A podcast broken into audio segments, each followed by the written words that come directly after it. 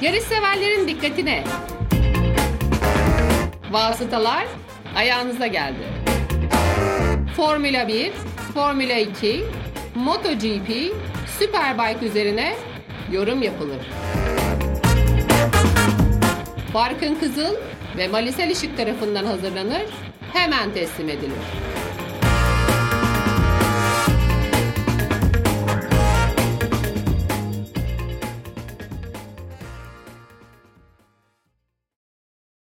Podfresh'te vasıtaların yeni bölümüne hoş geldiniz. Miami Grand Prix'sinin ardından Mali Selişik'le beraber bütün yarış hafta sonunu konuşmaya çalışacağız. Mali hoş geldin. Hoş bulduk. Miami tabii takvime yeni giren bir pist ama Amerika Birleşik Devletleri bol bol farklı pistte Formula 1'e ev sahipliği yapan bir ülke. İlk kez Miami'deydik.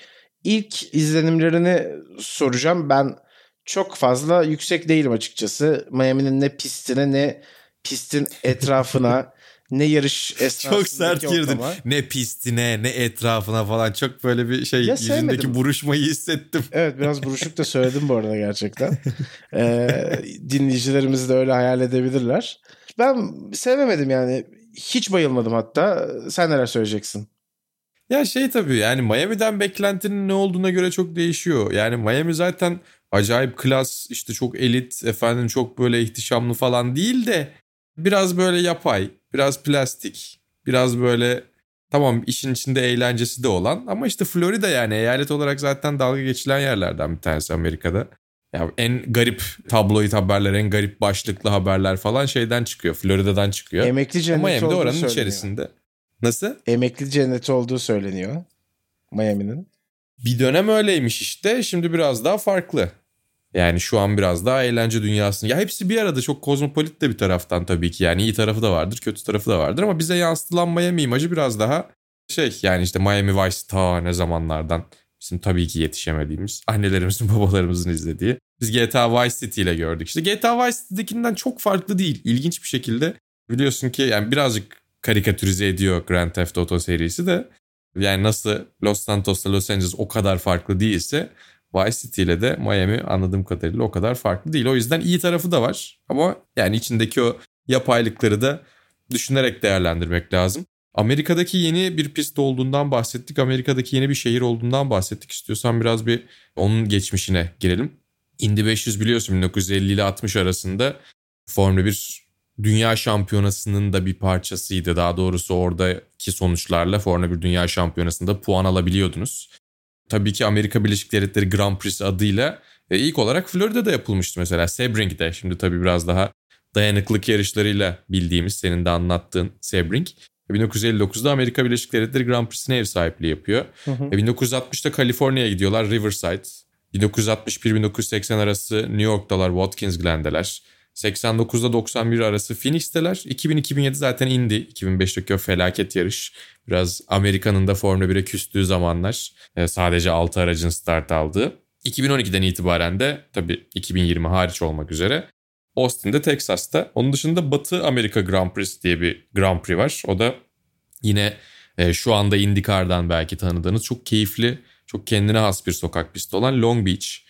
E, Caesars Palace Grand Prix var ki yani Las Vegas'taki en acayip e, etkinliklerden biri olabilir. Kumarhanenin otoparkında E şeklinde böyle oldukça sıkıcı peçeteye çizilmiş ve yani bundan şu virajdan 3 tane daha yapalım şeklinde e, tasarlanmış. Bir de üstüne sezon finali falan olmuş. E, 81-82'de Las Vegas'ta. E, dediğim gibi Caesars Palace'ın e, otoparkında yapılmış bir Grand Prix var. Detroit Grand Prix'si vardı 1982-88 arası. O da sokak pisti ve 1984 Dallas GP.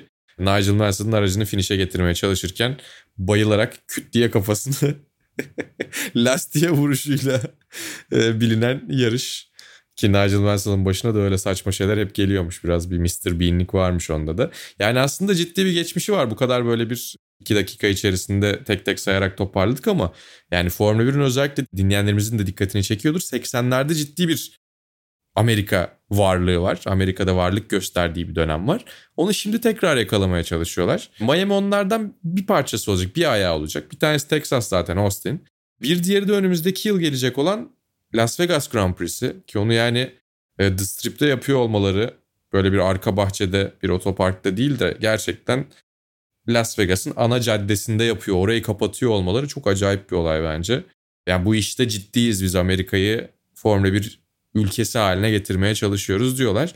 E bunun için tabii bir Amerikan pilot lazım. İşte Logan Sargent mesela adaylardan biri olabilir eğer gençlerden gelecekse e, Williams'ın genç sürücü akademisinde.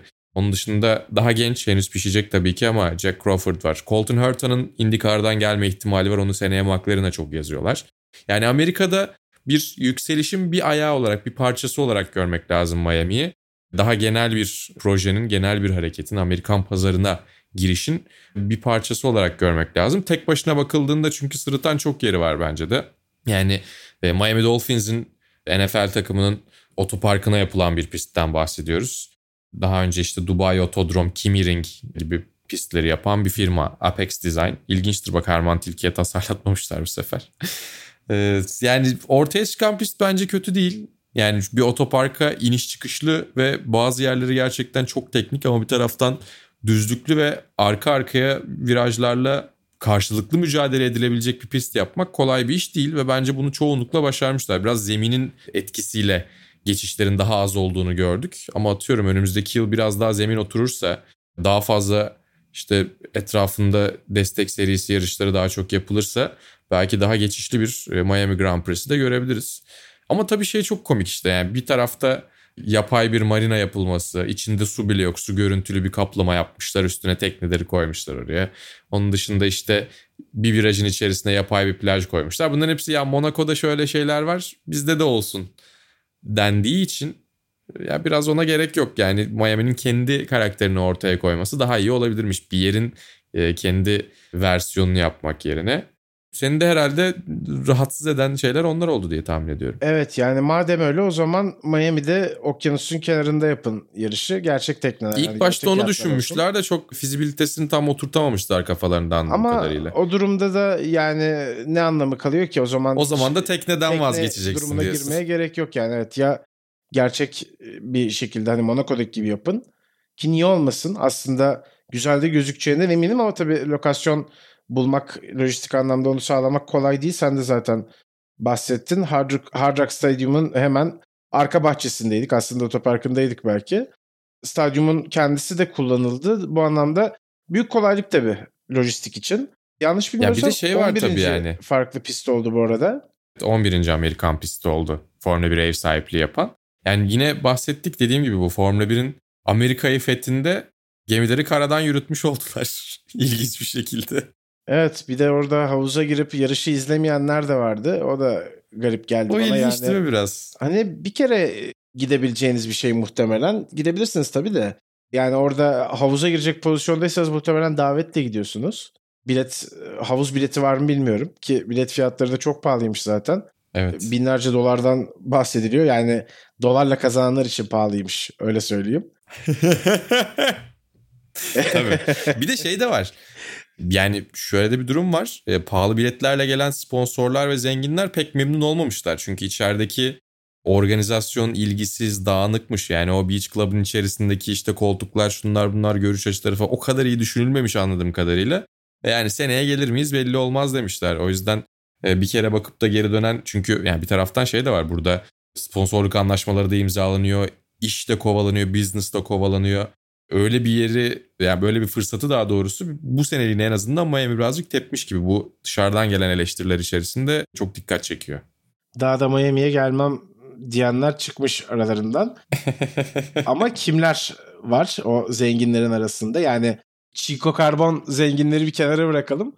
Biraz tanıdığımız zenginlerden bahsedelim istersen. Tabii. Michael Jordan onlardan bir tanesiydi. Tom Brady yine aynı şekilde ki Lewis Hamilton'la da bir araya geldiler. Yedişer şampiyonluk sahibi iki efsanevi sporcu olarak onların da vakit geçirme şansı oldu. Onun dışında müzik dünyasından da ünlü isimler vardı. Aynı şekilde e, Michelle Obama'yı gördük. İşte biraz... Tabii müzik dünyasının dışından da isimler vardı. Mesela DJ Khaled. evet o da vardı. E, David Beckham vardı tabii yine sporcuların tabii. arasında. David Beckham'ı da atlamayalım. Hatta maç önce maç öncesi değil düzeltiyorum. Yarış öncesinde Sherlock'lerle karşılıklı biraz top oynamışlar. Öyle ısınmışlar. Müthiş olay. O güzel. Ben o görüntüyü görmedim ama izleyeceğim. Top bu arada gerçekten Formula 1 takımlarının da vazgeçilmezi herhalde e, hiçbir şey yoksa yapılacak iyi aktivitelerden bir tanesi olabiliyor. Değil mi? Padok'ta kesin bir top oynanıyor öyle bir durum var. Evet Padok'ta ben top oynanmayan yarış hafta sonu pek hatırlamıyorum yani. Birilerinden biri Acaba şey oluyor mudur böyle? Motorhomlardan e, çok fazla e, tantan olunca birinin motorhomuna kaçınca falan takım patronları inip keserim topunuzu diyor mudur? Top Formula 1 arabasının altına kaçıyor değil mi? İkisine de gönderiyorlar öyle bir şey olduğunda almak için tabii. Ee, Yok hemen eğilip çelme yöntemiyle onu oradan fetel falan çıkartır. Şey topla ya o, o da olabilir bu arada var. değil mi? Es, es- eski abilerden. Top demişken Lando Norris'in kaskı da müthişti gerçekten. İnanılmaz bir bağlama attım bu arada. Onu da evet söyleyeyim. güzel oldu. Bağlama sola yaptın Müthiş gerçekten bir takdir ediyorum. Basketbol topu tasarımı. Kusursuz bir basketbol topu tasarımı. Yani Çok hiçbir iyi. Üzerindeki dokusu da basketbol topu gibi yok. ki Jens Müller özellikle zorlamış. Yani özellikle onu yapmak için bir çaba sarf ettiğinden ve bu sürecin bayağı böyle takdir edildiğinden bahsetmiş. Twitter'ını takip ediyorum ben onun. Yani yakından da baktığınızda gerçekten basketbol topu gibi görünüyor ve dokusu da öyleymiş. Çok güzel işçiliği de var tasarımın dışında. Evet bir de şey araçtan inmek zorunda kaldı kazadan sonra ya yürürken böyle gerçekten hani bir süper kahraman basketbol adam falan gibi gözüküyordu. Öte yandan Tatlıydı e, yani Guan Yu Zhao da basketbol temasını seçti. Talihsizlik demek istiyorum. Keşke başka bir tema seçseydi. Keşke Amerikan futbolu seçseydi. Çünkü hiç o olmuş mu yani? Şimdi Norris kaskını gördükten sonra muhtemelen herkes şey üzüldü olmuş. o cephedeki. iyimser bir belediyenin şey basket sahası boyaması tarzında olmuş. Kaskın tepesinde zaten basket sahası tasarımı var. Valla dinozor heykeli gibi olmuş bana sorarsan ama. Ya bence çok kötü değil. Çünkü dediğim gibi yani renkler şunlar bunlar falan. Ama Yani Lando Norris inanılmaz bir şey yapınca yanında çok sönük kalıyor. Evet. Yoksa yani Guan Yu Zhou'nun basketbol dışında bir tema seçmesi mümkün değil. Çünkü zaten biliyorsun büyük bir Kobe Bryant hayranı. O yüzden yarış numarası 24 ve normaldeki kask tasarımları Los Angeles Lakers renklerini taşıyor. Ve o yüzden Guan Yu Zhou kesin basket seçecekti. Ama ben olsam madem öyle biraz daha Kobe Bryant'ımsı bir şeyi biraz daha şey yapabilirdim. Kobe Bryant'ın belki gerçi tam olarak uyuşuyor mu onların Miami ile herhangi bir rekabet olacak kadar başarılı dönemler denk gelmedi herhalde Lakers'la Yok pek bir bağlantısı olmuyor ama fark etmez bir aslında. şekilde bağlanabilirdi. Bir Kobe, yani Kobe üstünden bir şey yapılabilirdi. Kobe her yerde Kobe sonuçta. O yüzden belki öyle bir şeyin üstüne gidebilirdi. Dediğin gibi biraz daha karmaşık da duruyor ama renklerini beğendim mesela ben. Normalde o kadar fosforlu renklerin bir arada olmasını çok sevmiyorum ama uzaktan bakınca ha, fena değil. Ha, basketbol temalı bir şey diye bakınca anca bir şey diyebiliyorsunuz işte o açıdan biraz ilginçti. Valtteri Bottas'ın her güne bir tane kaskı vardı. E, o da güzel. Yani tasarım yapmaya doyamamış sevgili partneri. O şey lisanssız Space Jam. Bugs Bunny çizimini de atlamayalım Guan Yu Zhao'nun kaskında. Evet Guan Yu Zhou'nunki kötü evet yani şey bayramlarda ikram edilen cikletten çıkan Ee, yani sahte karakterler. evet ya da işte sahte karakter basılı işte, tişört tadında. Ben E mesela renkleri kaçık. Ye- yeşil Yani- Pikachu'lu tişört gibi falan. kullanmayabilirdim ya. Gerçekten bilmiyorum. Evet doğru onlar gerçi. falan biraz garip doğru haklısın. Şimdi o kadar hazırlanmış kullanmayayım da diyemez yani. Bilmiyorum. Neyse. Kaskı bir kenara bırakalım. Yok yok bahsedelim birazcık kasklardan. Ben hepsini bir şöyle bir bilançosunu çıkarmak istiyorum. Aha tamam. Bottas'ın üç tane ilgini kaskı güzeldi. varsa tabii. Çok ya hepsi güzeldi bence. Benim çok hoşuma gitti bu hafta sonunda özel kasklar getiriyor olmaları. Miami Gas yapmış mesela Pierre Gasly Miami Vice logosuyla. Biraz daha Vaporwave ve işte bu 8 bit tasarımları falan kullanmış. Onun dışında Max Verstappen'inki bence en iyilerinden biriydi. Miami renkleri yine Miami Vice renkleriyle. O da kendine güzel bir tasarım yapmış. Yine benzer renklerle biraz daha açık renkleri, daha beyaz ağırlıklı e, Sergio Perez kullanmış. Yani ben çok beğendim böyle bir ya bir taraftan tabii Liberty Media bu yarışın başarılı olmasını istediği için takımlardan da işte poster olsun, işte ürün olsun falan biraz rica etmiş gibi duruyor. Ama pilotlar da o hype'ın içerisine, o heyecanın içerisine girmişler ki hepsi ya buraya özel bir kask yapalım demişler. E, Benim de en sevdiğim şeylerden bir tanesi biliyorsun işin grafik tasarım kısımları. O yüzden e, ayıla bayıla takip ettim hepsini. Alonso'lu kaskı da çok iyi madem konuşacağız. Ben Hı renk paletine de bayıldım. Dizaynına da çok yani yükseldim. Hoşuma gitti o kask. Ben de madem onu eklemiş olayım. Sen bahsedeceksen. Ricardo'nun kaskı ne diyorsun? Ricardo'nun kaskı da tam Danny Ricardo kaskı. Ace Ventura şakası. bir de şey var gördüm mü bilmiyorum. İdo 2 dakika boyunca diye Dolphins şakası da yapayım. Çünkü NFL konuşacak bir platformum da yok başka. Doğru. Ya şey iki dakika boyunca bildiği bütün Ace Ventura repliklerini sıraladığı bir video var. O birazcık fazla geldi bana. Hani ama bir taraftan şaşırmadım. Yani beğendiği komik bir filmin bütün komik repliklerini yüzüne bakarak sıralayan adam tipi var zaten Ricardo'da. O yüzden. Ya sempatik gidiyor da ona ama gerek yok. Yani o biliyorsun tamam biz de biliyoruz güzel filmdi. Biz de güldük Jim Carrey'e. Türk olsa Gora'yı 45 kez izleyecek olanlar tayfasından. evet bu arada gerçekten öyle. ee, geçelim mi? Hadi geçelim. O zaman biraz da yarıştan bahsedelim. Hafta sonundan genel olarak bahsedelim aslında. Cuma günü Carlos Sainz'ın kazası ve Verstappen'in yaşadığı mekanik sıkıntılar öne çıktı aslında. Şimdi her iki durumda aslında düşündürücü. Çünkü Red Bull daha önce iki kez yarış tamamlayamadı. Hatta bir yarışta son tura giderken aynı tur içinde iki aracı birden kaybettiler. Dolayısıyla yaşadıkları her mekanik problem bir acaba mı sorusu muhtemelen akılları düşürüyor. Belki takımda daha az, izleyicide daha çok. Çünkü onlar daha hakim olabilirler. Ama yarış içinde de yine Perez'in mesela problem yaşadığını gördük. Oraya geliriz. Genel olarak aracı anlamak konusunda halen öğrenme sürecinde olduklarını herhalde söyleyebiliriz Red Bull takımı için. Sainz'inki daha farklı bir problem. Üst üste puan rekorunu aldıktan sonra bu kadar istikrarlı bir çizgiye sahipken bir anda kazalar yapmaya başladı. Zaten hani istim üstündeydi ki bence İtalya'daki kazada da hani artık bir daha olmaz son damla falan gibi düşünüldü. Ancak yine bariyerde gördük Carlos Sainz'ı Cuma günü. Neyse ki yarışta öyle bir problem yaşamadı bu defa. Özgüveninin yerine gelmesi için çok önemli olacaktır bence Carlos Sainz için. Ee, öte yandan özgüveni biraz daha tazelenenlerin arasında bir de Mercedes vardı ama yarış temposuna baktığımızda evet eskisinden daha iyi gözüküyorlar. Buna rağmen pek o hani antrenman seansında gelen liderlik gerçeği yansıtmıyor gibi. Evet yani tabii Mercedes'in Yunuslama problemini çözdüğünü zannettik. Onlar da çözdüğünü zannettiler. Cumartesi günü o problem bir anda geri geldi. Ya tabii bir taraftan Barcelona'daki beklenen e, büyük güncellemeler öncesinde kimse problemlerini baştan sona tek kalemde bir daha gelmemek üzere çözebilecek gibi görünmüyor. Herkes Barcelona'yı bekliyor. Mercedes de dahil olmak üzere. E ama bir taraftan yani Cuma günü bu kadar düzgün görünüp Cumartesi ve pazar günü bu kadar farklı bir yerde olmaları da açıkçası ilginçti. Onların da tam olarak anlayamıyor olması daha da ilginç bence.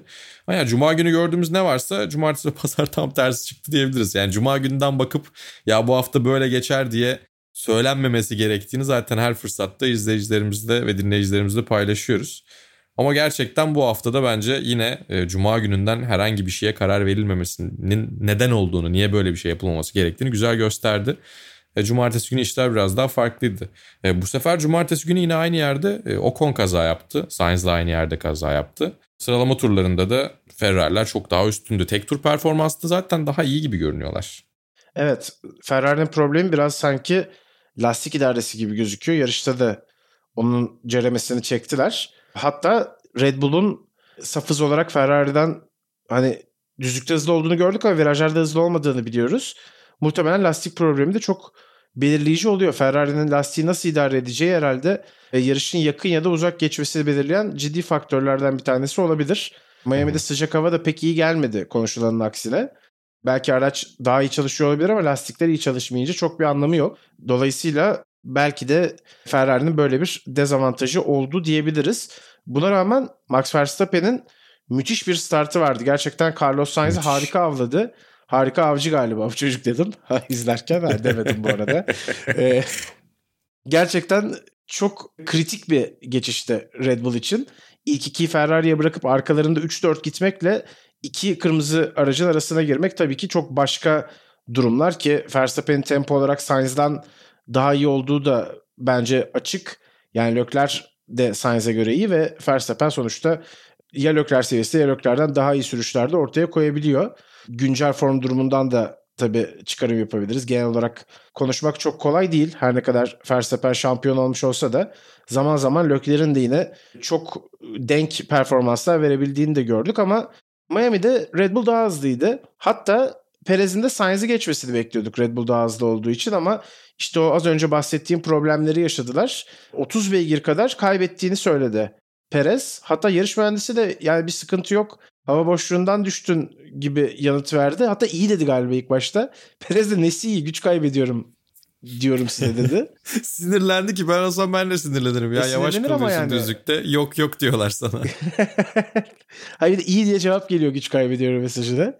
Ee, sonra bir şekilde çözdüler yazılımla çözdüler. Yani direksiyon üstündeki o tuşlarla halledebildi Perez gelen talimatlar doğrultusunda.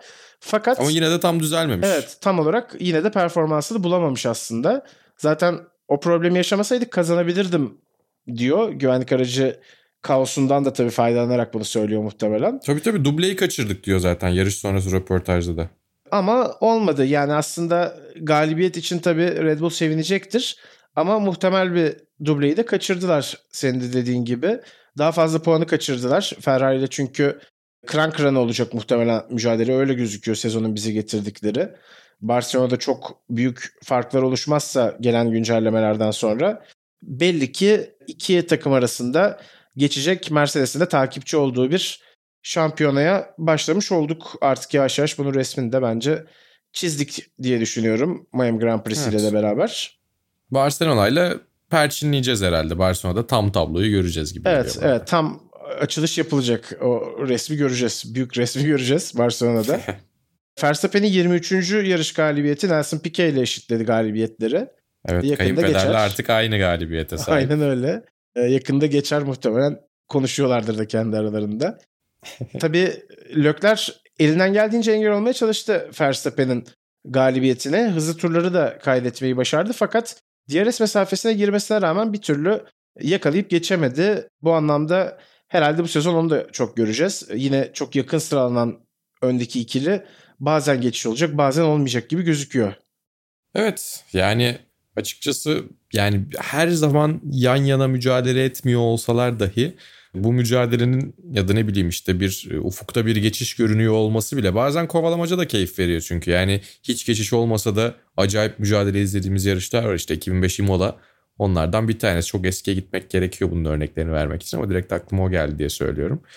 Ve o yüzden yani mücadele edilebilecek bir yarış olması ya da en azından kafamızda acaba olması bence bana yani keyifli bir yarışın ortaya çıkmasına sebep oluyor.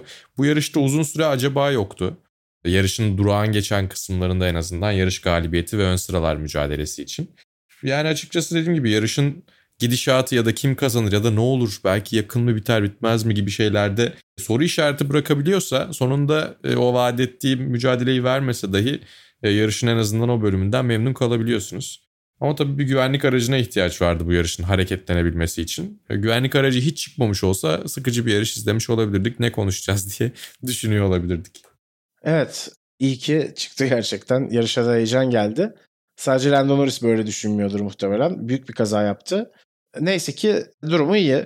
O konuda bir sıkıntı yok zaten.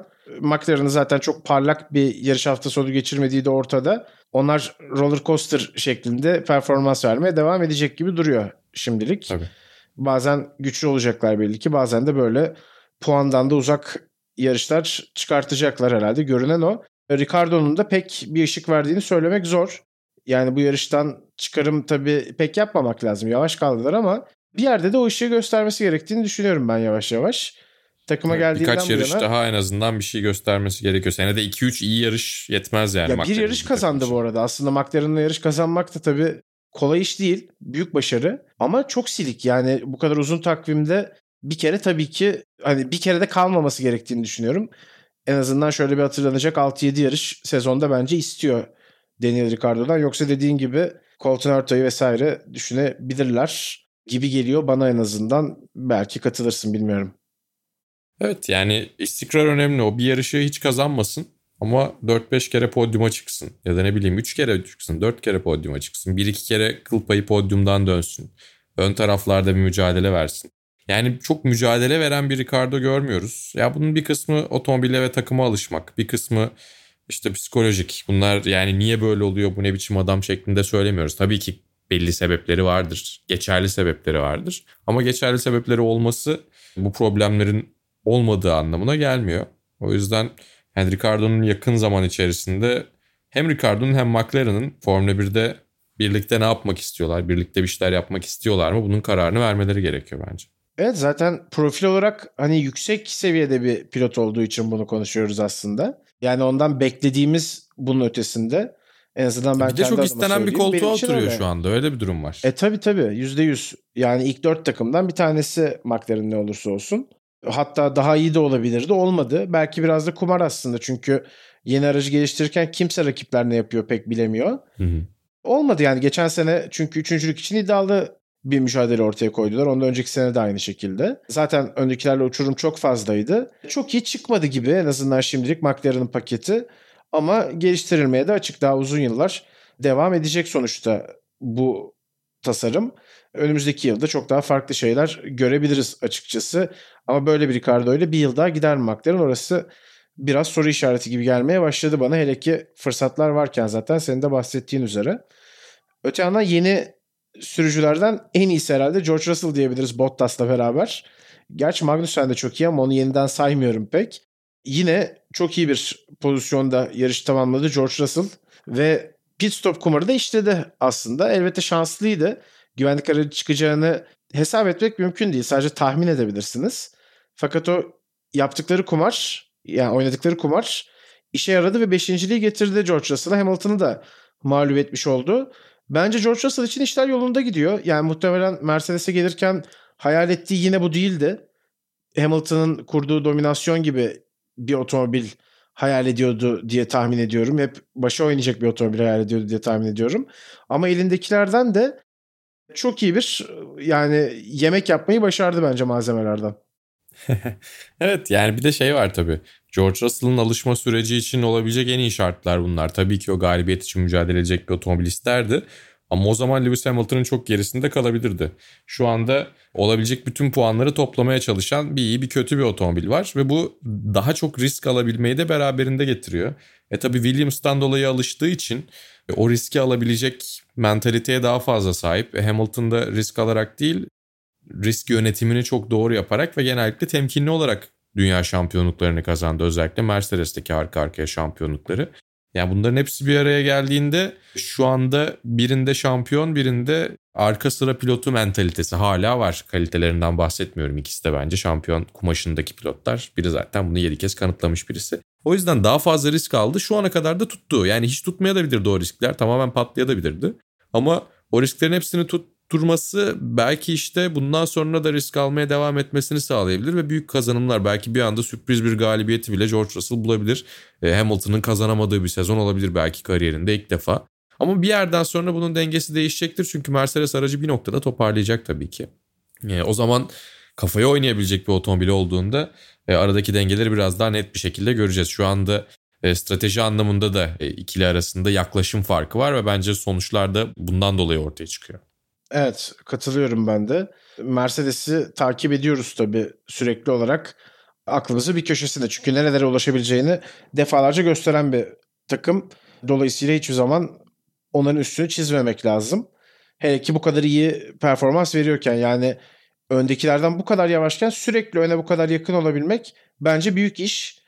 Yani çok uzakta da değiller hala şampiyonada. Şampiyonluk çok zor ihtimal ama en azından mücadele içine dönebilecek gibi duruyorlar. Hep beraber göreceğiz. Lewis Hamilton da biraz şikayetçiydi. Hatta onun da Bono'yla bir ters konuşması oldu. Planı doğrudan Hamilton'a sorunca o da bana sormayın siz bana söyleyin dedi. Yani bilmiyorum o ilişki de hassas şimdi. Onlar söyleyince de itiraz edebiliyor bazen. Bilmiyorum hani neden o şekilde yaklaştılar. Hamilton'ın belki kendi kafasındaki fikri uygulamak isteyebileceğini mi düşündüler? Bunu bazen tecrübeli pilotlarda görüyoruz çünkü. Alonso'da da bazen oluyordu. İşte Raikkonen'de de oluyordu. Belki de öyle Vettel bir durum. çok, çok uzun süre kendi stratejistliğini yaptı Ferrari'de. Doğru, doğru. Aynen öyle. Vettel'e sayıldı tabii. yani belki öyle bir şeydir. Enteresan bir konuşmaydı ama. O Perez'in takım telsiziyle beraber en ilginçlerinden bir tanesiydi. Takım telsiz diyaloğu demişken Mick Schumacher ile Vettel'in tabii kazasında da ilginç diyaloglar oldu. Vettel böyle bir kızacak gibi oldu. Herhalde Mick olduğunu anladı. Pek bir şey demedi. Mick Schumacher çok üzgündü. Ağlamaklı gibiydi sesi neredeyse. O da tabii Vettel'e çarpmaktan dolayı ekstra mutsuz olmuştur. Herhangi bir kaza değil çünkü. Grid'in belki en yakın iki ismi olabilir. Böyle bir abi kardeş gibi enteresan bir bağlantı oldu aralarında. Elbette Michael Schumacher'dan kaynaklı olarak. Fakat iki isim birbirlerinin yarışını bitirdiler. Aslında Mick Schumacher biraz Vettel'in yarışını bitirdi. Dürüst olmak gerekirse. Tabii. Ancak tabii puansız ayrılmaktan hoşnut olmayacaklardır. Ve puana da gidebilecekleri bir yarıştı. Mick Schumacher için de ben üzüldüm. Artık o da ilk puanlarını hak ediyor bence yavaş yavaş. Tabii bir yandan teselli şu Haas puan alabilecek bir takım görüntüsünde puan alabilecek bir araca sahip gibi gözüküyorlar. Dolayısıyla fırsatlar gelecektir. Aynı şekilde Vettel de bulduğu şansları değerlendirecek herhalde. Aston Martin'le o da bundan daha iyisini yapacaktır diye düşünüyorum. Bugün de iyi sürdü. Evet yani son sıradan daha doğrusu pit yolundan hatta son sıradan bile değil. Pit yolundan başlayıp da yarışın durağan kısımlarında en çok geçişleri yaparak yarışın son bölümünde kendini puan potası içerisine sokmak bence Vettel için çok iyi bir gün. Ki yani iyi start alamadım daha iyi olabilirdi falan demiş. O performansından da çok memnun değil. Ben açıkçası Vettel'in performansından memnun olmamasından da memnun oldum. Çünkü daha iyisini yapabileceğini biliyor olması içindeki o ateşinde olduğunu gösteriyor. Ama yani evet ikisi de puan alabilecekken ikisinin de güzel bir puan hikayesi olacakken Mick Schumacher'in e, biraz dikkatsiz hatayla çöp ettiler açıkçası o yarışı. E yine sondan başlayıp diye az önce Vettel için söyledik ama Esteban Ocon sondan başladı. O da 8. sırada bitirdi. Alonso'yu bu sezon gerçekten net bir şekilde mağlup ediyor. Orada da ilginç bir tablo var bence şaşırtıyor beni. Ocon'la Alonso'nun arasındaki o dinamik. E, bütün yarışlarda da Alonso'yu geçti şu ana kadar Esteban Alonso ama biraz şanssızdı ya. Çok kaza vesaire tabii, tabii. oldu. O aslında Hı-hı. belki daha iyi sonuçlar alabilecekken çok ket vuruldu performansa da. Kendi de Hı-hı. zaten çok iyi olduğumu bildiğim için, diğerlerinden iyi olduğumu bildiğim için devam ediyorum yarışmaya demişti Hı-hı. yakın zamanda. Galiba hatta Grand Prix'den önce de olabilir hemen. Şanssızlığı biraz kırması gerekecek herhalde ama yani o konuda aslında hakkını vermek lazım bana sorarsan. Sessiz sedasız işini yapıyor. Pit yolundan o da yine daha doğrusu... Biraz e, Russell'la Hamilton gibi aslında yani. Evet, evet biraz öyleler. Şu anda öyle gözüküyorlar. Dediğim gibi Alonso'nun temiz yarışlarına da bakmak lazım. İstersen buradan diğer takım arkadaşlarını da konuşalım madem böyle detayına inmişken. E, Nick Latifi'yi ve Alex Albon'u biraz konuşabiliriz. Sonra da diğer takımlara bakarız. E, daha doğrusu Magnussen'le Bottas'a getirmek istiyorum sözü. Onlar da çünkü iyi işler yapıyorlar bana sorarsan sezonun başından beri. İlk olarak Williams'la biraz devam edelim. Alex Albon'un tabii saçını boyatmasıyla gelen puanları devam ediyor. Annesi sevgili kankam Albon ne diyor acaba oğlum bu saç ne böyle yakışıyor mu Di, diyor. Boyan gelmiş puan alamazsın bu yarışta falan tarzı şeyler belki, oluyor mesela. Belki ya da çok iyi oluyor böyle boyatmaya devam et de diyor. Ya şey çok güzel hikayesi gerçekten güzel bu arada. Melbourne Grand Prix yani daha doğrusu Avustralya Grand Prix'si öncesinde Jos Capito'nun kardeşinin bir destekte bulunduğu e, bir tapınağa gidiyorlar Tayland'da. Ve orada saçı boyalı bir öksüz çocuk yani oradaki öksüz çocuklar tapınağı işte onlara yardımcı oluyorlar falan. O saçının boyalı olduğunu görüyor. Hadi siz de benim saçımı boyayın diyor. Böyle inanılmaz tatlı çok hoş bir çıkış noktası var. Üstüne orada puan alınca bunu bir alışkanlık haline bunu bir totem haline getirmesi de güzel. Latifi bu hafta sonu bence biraz daha toparlamış görünüyordu. Bilmiyorum katılır mısın? Yani o psikolojik duvarı açtığında şu anki kadar kötü olmayacaktır. Sıralama turlarında aralarında çok az fark vardı çünkü. 0.1 saniyeden daha az bir fark vardı. Tek turda o kadar gerisinde kalmadı takım arkadaşının. Yarışta tabii ki çok ciddi bir yükseliş Alex, Alex Albon için. Latifi o kadar yükselemedi ama o da 14. bitirdi hani kazalarla birlikte. O da birkaç sıra o fırsatı değerlendirdi. Williams'ın iki pilotuyla da iyi işler yapabildiği bir sezon. Ya bir de Stroll de iyiydi. Yani artık şu pilot çok kötü ya. Bundan hiçbir şey olmaz diyeceğimiz birisi çok fazla yok gibi işte. Yani bir tek Latifi dediğim gibi şu ana kadarki performansları daha önce tanıdığımız Latifi'den bir iki gömlek aşağıdaydı. Ama umarım o da toparlar. Böyle her pilotun bulunduğu yerle ilgili yani çok tabii ki daha fazla hak eden pilotlar F1 dışında var ama bulunduğu yeri bu kesin hak etmiyor diyeceğimiz kimse olmasın diye e, umuyorum. Çünkü yani her takımın puan alma ihtimalinin olduğu bir sezonda her pilotun da benzer şekilde tehdit oluşturması bence güzel geliyor. Çünkü yani zirvedeki mücadele hep keyifli de asıl orta sıralardaki mücadele güzelse bir Formula bir sezonundan daha çok keyif alınıyor diye düşünüyorum. O yüzden ben Williams'ın da ara ara bu ileriye doğru adımları atabiliyor olmasından memnunum açıkçası. Evet bu arada psikolojik duvara aşmak dedin. Fiziksel duvara girmese yeter gibi şimdilik Latifi için. Maalesef böyle sert bir yorum yapacağım çünkü... Yazık ya hiçbir ya şey yapmadı bu hafta kendi çizgisinden aşağı düşmemesi gerekiyor. Evet hiçbir şey yapmadı yani bitiren araçlar arasında sonuncu oldu zaten.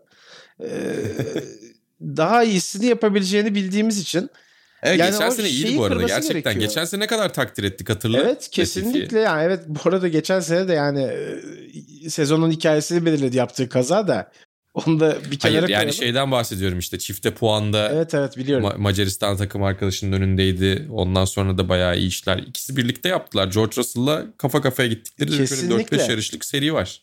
Zaten benim eleştirim biraz şuna bu hani paralı sürücü algısını kırabilmek için biraz istikrar göstermesi gerekiyor. Evet. Biraz o tempoyu da hani Albon'a yakın en azından tutabilmesi gerekiyor. Onun da puanlar ortak olması gerekiyor. Evet. Onu yapabileceğini de düşünüyorum. Ama herhalde Bence kendi de. kafasındaki düşmanı yenmesi lazım ilk. Baskıdan tabii e, yani çok etkilenmek mümkün. Belki Carlos Sainz de baskı, baskıdan etkilenip Verstappen'e çok fazla direnememiş olabilir hatta. O da aklıma gelmedi değil. Hı hı. Onu da söyleyeyim. Yarışın başına döndük ama hazır konusu gelmişken aklıma geldi. Bu arada Bottas garip bir hata yaptı. Aynadan George Russell'ın Lewis Hamilton'ın geçişini izliyormuş. O sırada frene biraz geç basmış. İki pozisyon birden kaybetti. Mercedes'lere geçildi ki Kazaya bakarken kaza yapmak haftaya gelsin Evet, evet. pasaportunu alsın buradan. şey biraz tanıyorsan Bottas'ı Mercedes'lerin önünde bitirmek çok büyük haz veriyordur kendisine eminim. Ama o hazzı belki de Lewis Hamilton'ın geçilişini görmeye yani değişti diyebiliriz. E, Çünkü biliyorsun özellikle yarış sonrası adrenalinle beraber aşırı gaz, aşırı motivasyon bir karakter, e, motive bir karakter. Belki de gerçekten onu düşünmüş olabilir çok kısa anlık.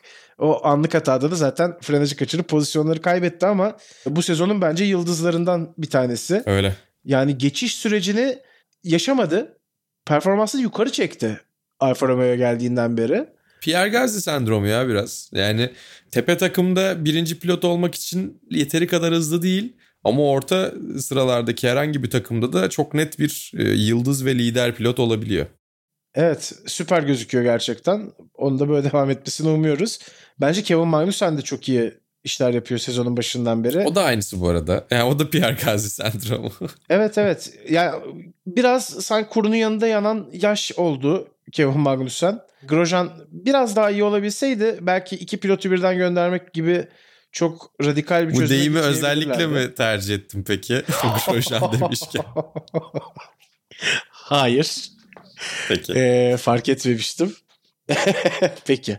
Ee, o zaman herhalde herkesi konuştuk mu? Unuttuğumuz birisi var mı aklına gelen? Aşağı yukarı herkesten bahsettik bence. Evet aşağı yukarı herkesten bahsettik.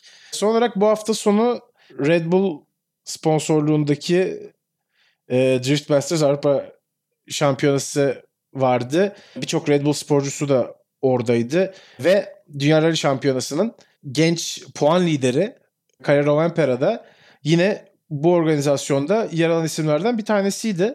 Ve çok da iyi performans ortaya koydu. Yani Drift'in e, tabii isimleri biraz farklı yani şöyle söyleyeyim. Üst sınıf çok iyi performanslar ortaya koyuyor. Pek de yenilmiyorlar. Favoriler büyük favori oluyor. O kadar büyük profilli isimlerin arasında müthiş bir iş çıkarttı. Son 16'ya girmeyi başardı. Hatta neredeyse çeyrek finale de gidiyordu ki olmadı. Biraz da böyle hırslı gördüm ben Carrera Pera'yı. İşte nasıl kurtulacaksın falan diye sordular. Gaza basıp düşüreceğim onu dedi. yani e, drift pek öyle bir şey değil aslında ama biraz da öyle. Yani mesafeyi açmak önemli. Carrera Pera müthiş gerçekten. Yani çok hoşuma da gitti gerçekten anlatırken. Onu da altını çizeyim. Biraz bahsetmiş olalım. Yani bir, bir de şey var şimdi. Hani bazı pilotlar işte ne bileyim tek koltuklu serilerdekiler işte dayanıklılık serilerine gidiyor. İşte binek otomobillere giden var. Rally ile rallycross arasında çok fazla geçiş oluyor. Aynı şekilde tam tersi. Ya benim son zamanlarda gördüğüm en iyi branş değişimi ya da en iyi farklı branş denemesi. Dünya Rally Şampiyonası'ndan Drift Avrupa Şampiyonası'na. Evet. Yani çok hoşuma gitti o, o, o, geçiş çok hoşuma gitti. Elendiği rakip de Jakub Przygonski şey Dakar rallisinde yanlış bilmiyorsam hem 2 hem 4 teker şampiyonu olması lazım. Aslında rallicilerin düellosu oldu o anlamda biraz. Ay o da iyiymiş. Toyota'da yeni bir otomobil yani yeni bir Supra yapmış. Biraz onu da tanıttılar aslında Rovanpera ile beraber. Herkesin keyif aldığı bir etkinlik olduğundan da bahsetmek isterim bölümü kapatırken. Diyeceğim bir şey yoksa yavaş yavaş vedayı yapalım. Bundan sonra Barcelona bizi bekliyor. Katalonya Grand Prix'sinin ardından tekrar vasıtalarla beraber sizlerle olacağız. Evet bence de kapatabiliriz. O zaman bir sonraki bölümde tekrar görüşünceye dek hoşçakalın. Hoşçakalın.